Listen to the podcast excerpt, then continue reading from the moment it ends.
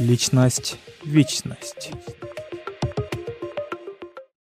Здравствуйте с вами снова анара и мой саламатсыздарбы силер менен кайрадан анара жана личность вечность подкасты.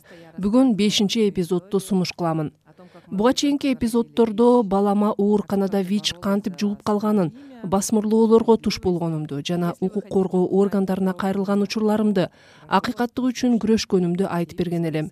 Кененирээк билгиңиз келсе подкасттын мурдагы серияларын угууга чакырамын азыр болсо эң кызыктуу учурлардын бирин сүйлөп беремин.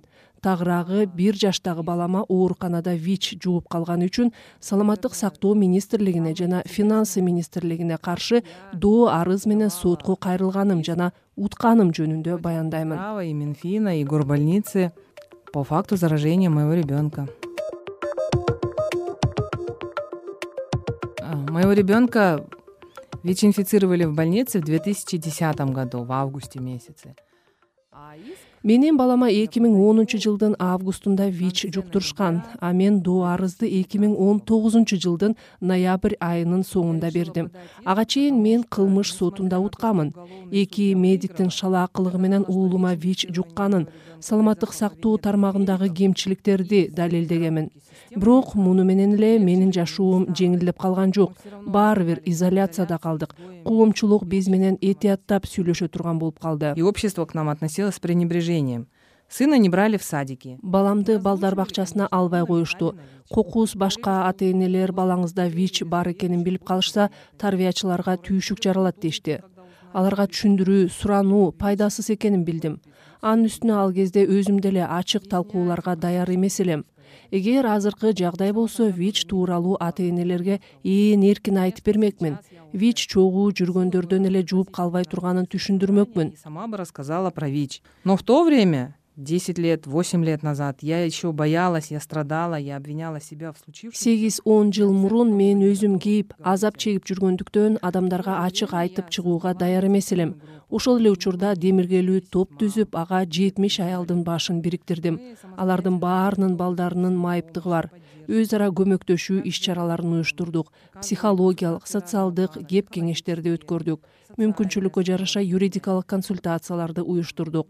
Документтерди толтуруу жаатында арасында медициналык кагаздарга байланыштуу соттук экспертизаларга байланыштуу апаларга адистер аркылуу кеп кеңеш берүү иш чараларын өткөрдүк.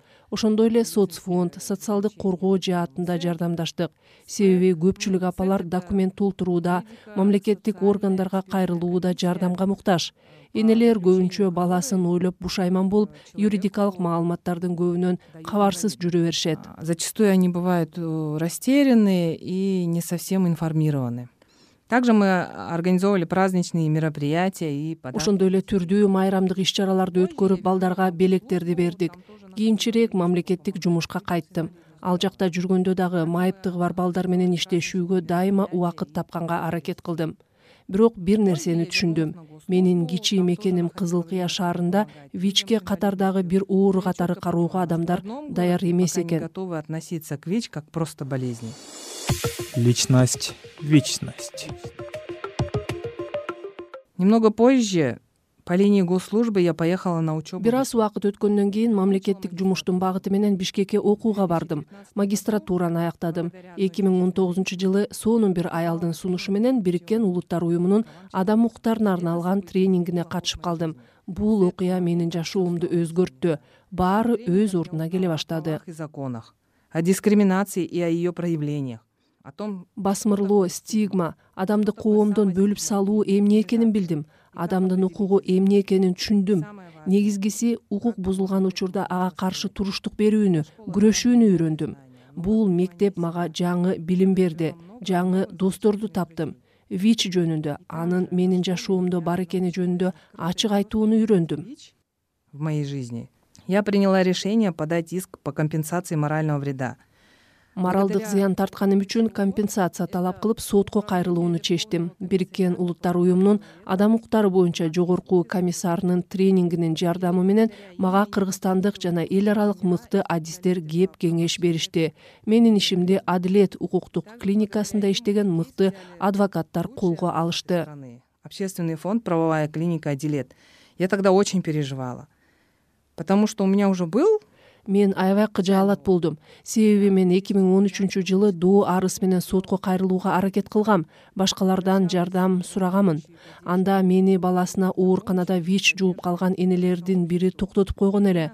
Өзүңдү шерменде кылба. Алар сага итке сөөк ыргыткандай элүү миң сом бериши мүмкүн. Шерменде болгонуң эле калат. Алардан өндүргөн акчаң дары дармекке да жетпейт деген эле. Мен анда алсыз элем. Жетиштүү укуктук билимим жок болчу макул деп кала бергем. Эми болсо менин укугумду мыкты адвокаттар коргойлу деп турушат. Алар үчөө болчу. Айнура тимур жана эльвира. Документтерди бат эле даярдап райондук сотко беришти. Жараян оор болду. Жоопкерлер көп. Саламаттык сактоо министрлиги финансы министрлиги кызыл кыя шаардык ооруканасы эки мед кызматкер ошондой эле милдеттүү медициналык камсыздоо фонду дагы катышты. Отурумда аларга отургуч дагы жетпей калар эле туултура юристтери менен келишчү.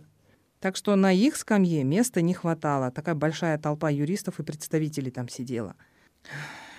Я очень признательна клинике адилет и всем их сотрудникам потому что помимо профессионализма они проявляли такой мен адилет укуктук клиникасына жана анда иштеген адвокаттарга терең ыраазычылыгымды билдирем. Алар кесипкөйлүк жагынан эле эмес адамгерчилик жагынан дагы бийик экенин көрсөтүштү отурумдар үчүн кайсы убакыт мага ыңгайлуу экенине дагы көңүл бурушаар эле. Сот отурумунда угушум мүмкүн болгон түрдүү кеп сөздөргө мени психологиялык жактан дагы даярдашты баарын акысыз жасашты. Өлкөнүн мыкты адвокаттары акысыз жардам көрсөтүштү. Абсолютно все взяли на себя и делали это бесплатно представляете? Лучшие адвокаты страны защищали мои интересы по сложнейшему иску бесплатно и в середине марта двадцатого года было получено эки миң жыйырманчы жылдын март айында биринчи инстанциянын чечими чыкты. Сот саламаттык сактоо министрлигин жана шаардык оорукананы мага эки миллион сом төлөп берүүгө милдеттендирди. Оорукана апелляциялык арыз менен шаардык сотко кайрылды экинчи инстанция дагы райондук соттун чечимин күчүндө калтырды ошентип үчүнчү инстанцияга жогорку сотко арыз беришти. Жогорку сот дагы биринчи инстанциядагы чечимди күчүндө калтырып саламаттык сактоо министрлигин жана шаардык оорукананы мага эки миллион сом төлөп берүүгө милдеттендирди. Миллиона сом компенсации. И в первый момент оглашения решения я даже не поняла что решение в нашу пользу. Чечим окулган кезде мен эмне болуп жатканын аңдабай деле калдым. Чечим чын эле биздин пайдага чыгарылдыбы деген күмөн ой мээримде туруп алды. Отурум залынан баары чыгып кетти. А мен баламдын курткасынын сыдырмасын тарта албай туруп калдым. Үйгө жетип бир аз убакыт өткөндөн кийин гана өзүмө келип ойго келбеген окуя болгонуна кубана баштадым.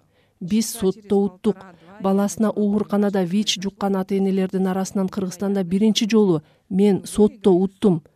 Түкшүмөл божомолдорго карабай биз муну жасадык. Несмотря ни на что не слушая мрачные прогнозы мы сделали это.